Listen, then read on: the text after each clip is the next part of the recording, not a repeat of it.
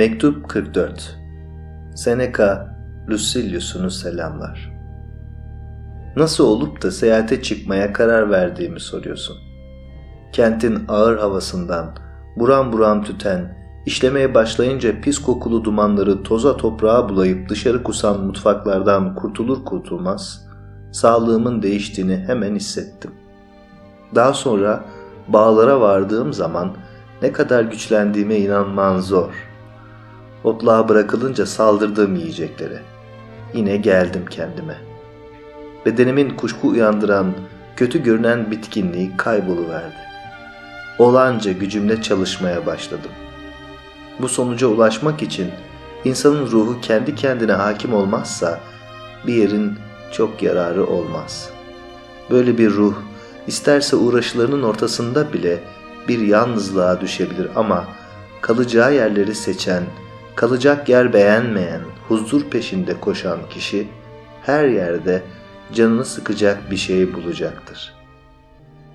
Anlattıklarına göre Sokrates, seyahatlerin kendisine hiç faydası olmadığını söyleyen birine şöyle yanıt vermiş. Başına böyle bir iş gelmesi çok doğal. Çünkü kendi kendinle birlikte seyahat ediyorsun. Ah, kimi insanlar için bir yerden değil, önce kendilerinden kaçabilmeleri ne büyük bir mutluluk olurdu. Onlar kendilerine yük olmuşlardır. Endişeli, kaygılı, korkuludurlar. Denizleri aşmak, kentten kente dolanmak neye yarar? Seni hırpalayan kötülüklerden kaçınmak istersen başka yerde değil, başka biri olmalısın. Tut ki Atina'ya geldin ya da Rodos'a geldin. Gittiğin memleketi kendin seç. Orada yaşayanların töreleri ne ilgilendirir seni? Kendi törelerini götüreceksin. Varlığı bir iyilik sayıyorsan, fukaralık sana işkence edecek. İşin en kötüsü sahte bir fukaralık. Çünkü pek çok şeye sahip olsan da bir başkasının senden daha çok malı mülkü var diye varlığı seni aştığı kadar kendini fukara hissedeceksin. Mevkileri iyilik sayıyorsan o ünlü kişi konsül olduğu, yeniden konsül seçildiği zaman fenalıklar geçireceksin. Yıllıklarda birinin adını her okuduğunda küçük düşmüş sayacaksın kendini. Mevki ihtirası öylesine azgındır ki birisi senin önündeyse arkanda hiç kimse yok sanırsın. Ölümü en büyük kötülük sayacaksın oysa ölümde ondan önce koşan kötülüklerden daha büyük hiçbir kötülük yoktur.'' Korkudur bu. Sen sade tehlikelerden değil, kuşkularından da tir tir titreyeceksin. Hayali şeyler zihnini hırpalayacak senin. Çünkü Vergilius'un dediği gibi Argos'un onca kentinden sıvışmak, kaçıp gitmek düşmanların içinden neye yarar? Barışın kendisi yaratacaktır korkuları.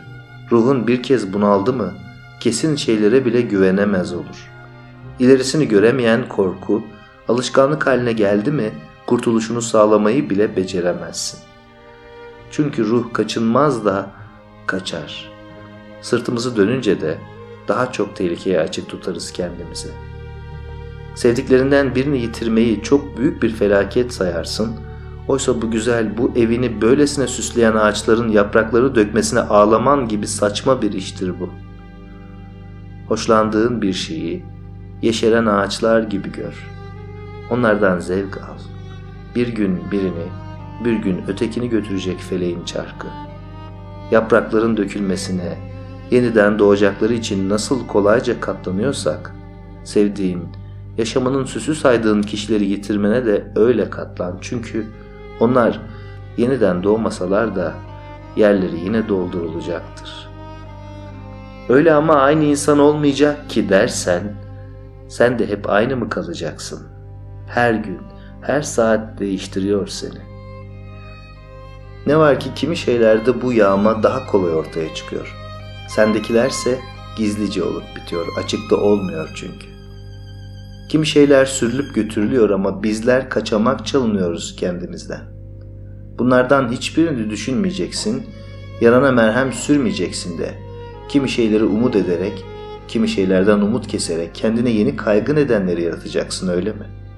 Aklın varsa ürettiğin duygularının birini ötekine kat. Umudun umutsuzlukla, umutsuzluğun umutla birlikte olsun. Bu seyahat başlı başına bir kimseye yararlı olabilir mi? Ne zevkleri ılımlaştırır, ne istekleri gemler, ne öfkeyi yatıştırır, ne önüne geçilmez bir tutkunun saldırılarını önler, sözün kısası hiçbir kötülüğü ruhundan söküp atmaz. Ne karar bildirir, ne yanılgılardan kurtarır ama bilmediği şeylere hayran olan bir çocuğu oyalar gibi kısa bir zaman için yeniliğin çekiciliğiyle oyalar insanı. Ama kararsız olan zihin en zayıf yerinden hırpalanır. Bu çırpınış onu daha değişken, daha hafif yapar. Bu yüzden pek can attıkları yerlerden seve seve ayrılırlar. Kuşlar gibi dolanır dururlar da geldiklerinden daha hızlı uçup giderler. Seyahat yeni ulusları tanıtacak. Yeni yeni dağ biçimleri, hiç görülmedik alanları, durmadan akan derelerin suladığı koyakları gösterecek sana. Gösterecek ya, seni ne daha iyi ne daha sağlıklı yapacak. İşte yöneleceğimiz çalışmalar böyle zihinsel çalışmalar olsun. Hem bilgeliğin ustaları arasında bilinen bilgileri öğrenelim, hem de henüz bilinmeyenleri araştıralım. Böylece ruh çok acınası bir kölelikten kurtarılıp özgürlüğüne kavuşur. Kaçınılması, istenmesi gereken şeyleri, zorunlu, yersiz, boş, şerefli şeyleri bilmediğin sürece adaletli nedir, adaletsiz nedir, şerefli nedir haberin yoksa bu bir gezinti olmaz da bir başı boş dolaşma, bir yanılgı olur. Bu dolaşma hiçbir yarar getirmez sana. Çünkü ihtiraslarınla birlikte seyahat edersin. Senin dertlerin de peşinden gider. Keşke peşinden gitmekle kalsa. O zaman bile daha uzak olurdun onlardan. Şimdi ise onları seninle birlikte götürüyorsun da içinde taşıyorsun. Bu yüzden her yerde bastırıyorlar seni. Aynı sıkıntılara düşürerek yakıp kavuruyorlar. Hastaya bir deva aramalı. Bir bölge değil. Birisi bir bacağını kırar, bir eklemini burkar, ne arabaya biner ne gemiye. Hekime başvurur. Kırığı bağlansın, çıkığı yerine konsun diye.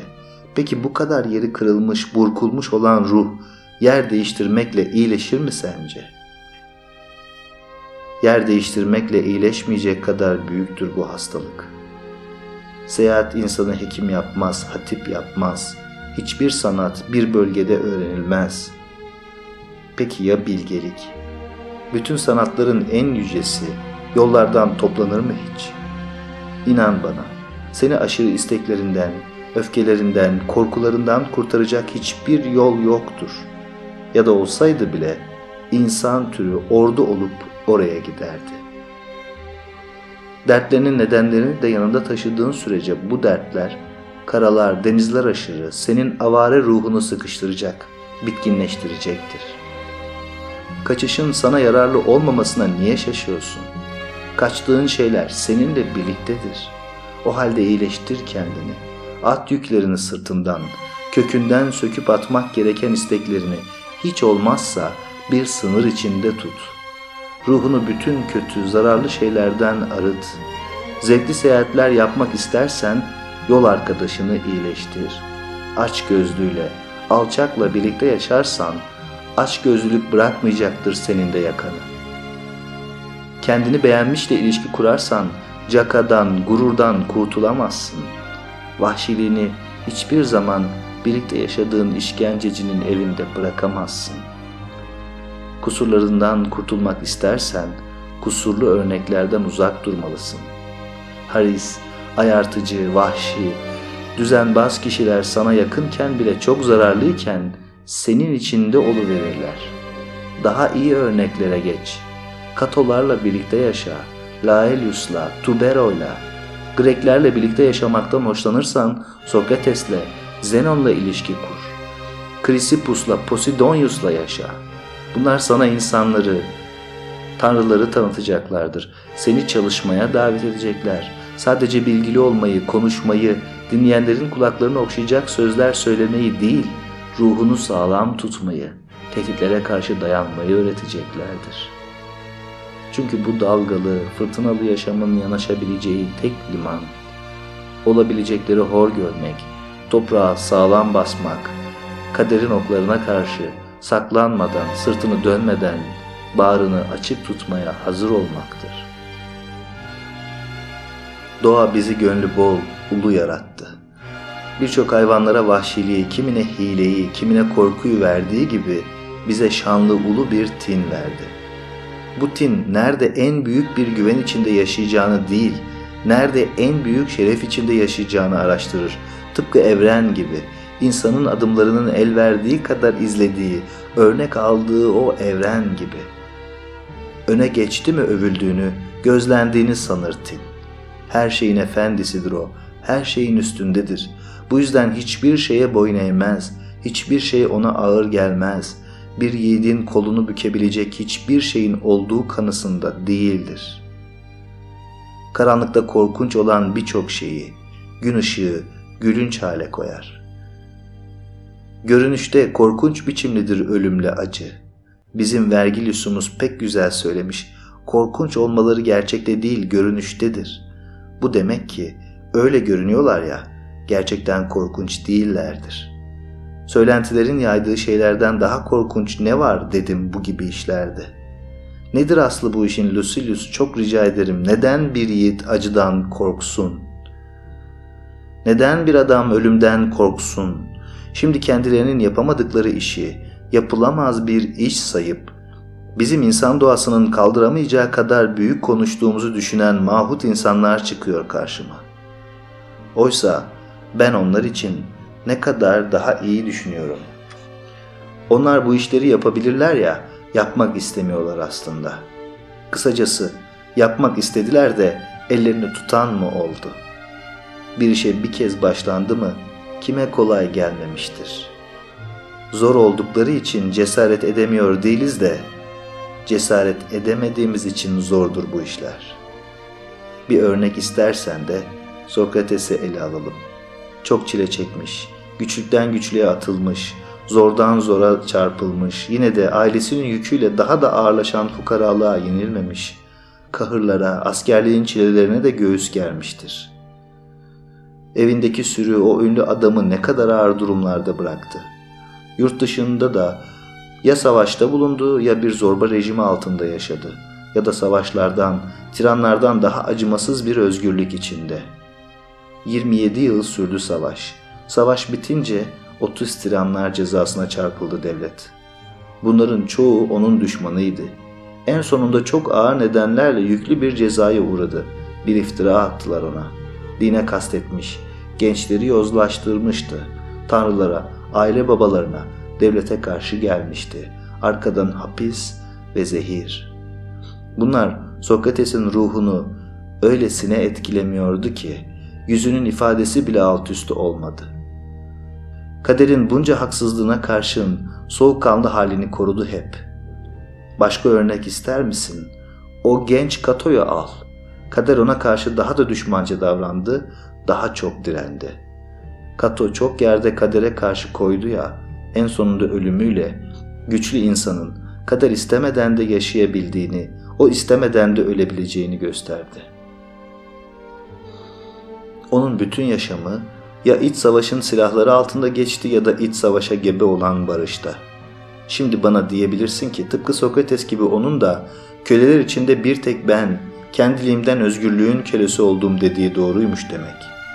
Yok olur da sen Pompeius'un, Sezar'ın, Krasus'un özgürlüğün antlaşları olduğunu söylersen o başka. Kimse devletin bunca değişmesine karşın Kato'nun değiştiğini görmedi. Her görevinde hep aynı kaldı. Pretorlukta, pretorluktan atıldığı zaman bir suç bildirdiğinde, eyalette, halk meclisinde, orduda ve ölümde. Devletin bocaladığı sırada bir yandan en iyi savaşan 10 lejyon ve bütün dışarıdaki halklar Sezar'ı desteklerken, öte yandan Pompeius tek başına her şeye karşı koyarken, kimisi Sezar'a, kimisi Pompeius'a eğilimliyken, yalnız Cato bir parti kurdu. Devletin partisini. Görüyorsun ki İnsanlar acıya katlanabiliyorlar. Afrika çöllerinin ortasından yaya olarak götürdü ordusunu. Görüyorsun, dayanılabiliyor susuzluğa. Cayır cayır yanan kum tepeleri sürükleyerek susuzluktan diri damağı kurumuşken sırtında taşıdığı zırhını ve su buldukları her yerde en son o içti suyu. Görüyorsun ki mevkileri hem de kötü bir damgayı hor görmek olası. Pretorluktan atıldıktan sonra komitya alanında mızrak oyun oynadı.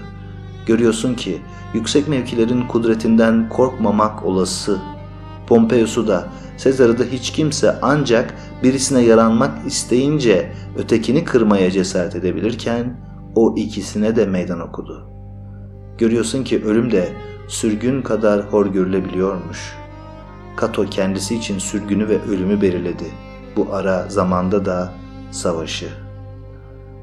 Demek ki bütün bunlara karşı böylesine güçlü olabiliyoruz.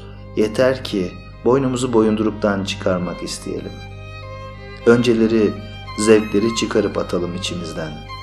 Sonra hor görmeli zenginlikleri. Köleliğin bedelidir bunlar. Altını, gümüşü, mutlu evlere yüklenen her şeyi bırakmalı bir kenara. Özgürlük hiç zahmetsiz, bedava olmaz. Ona çok değer verirsen başka her şeye daha az değer vermelisin.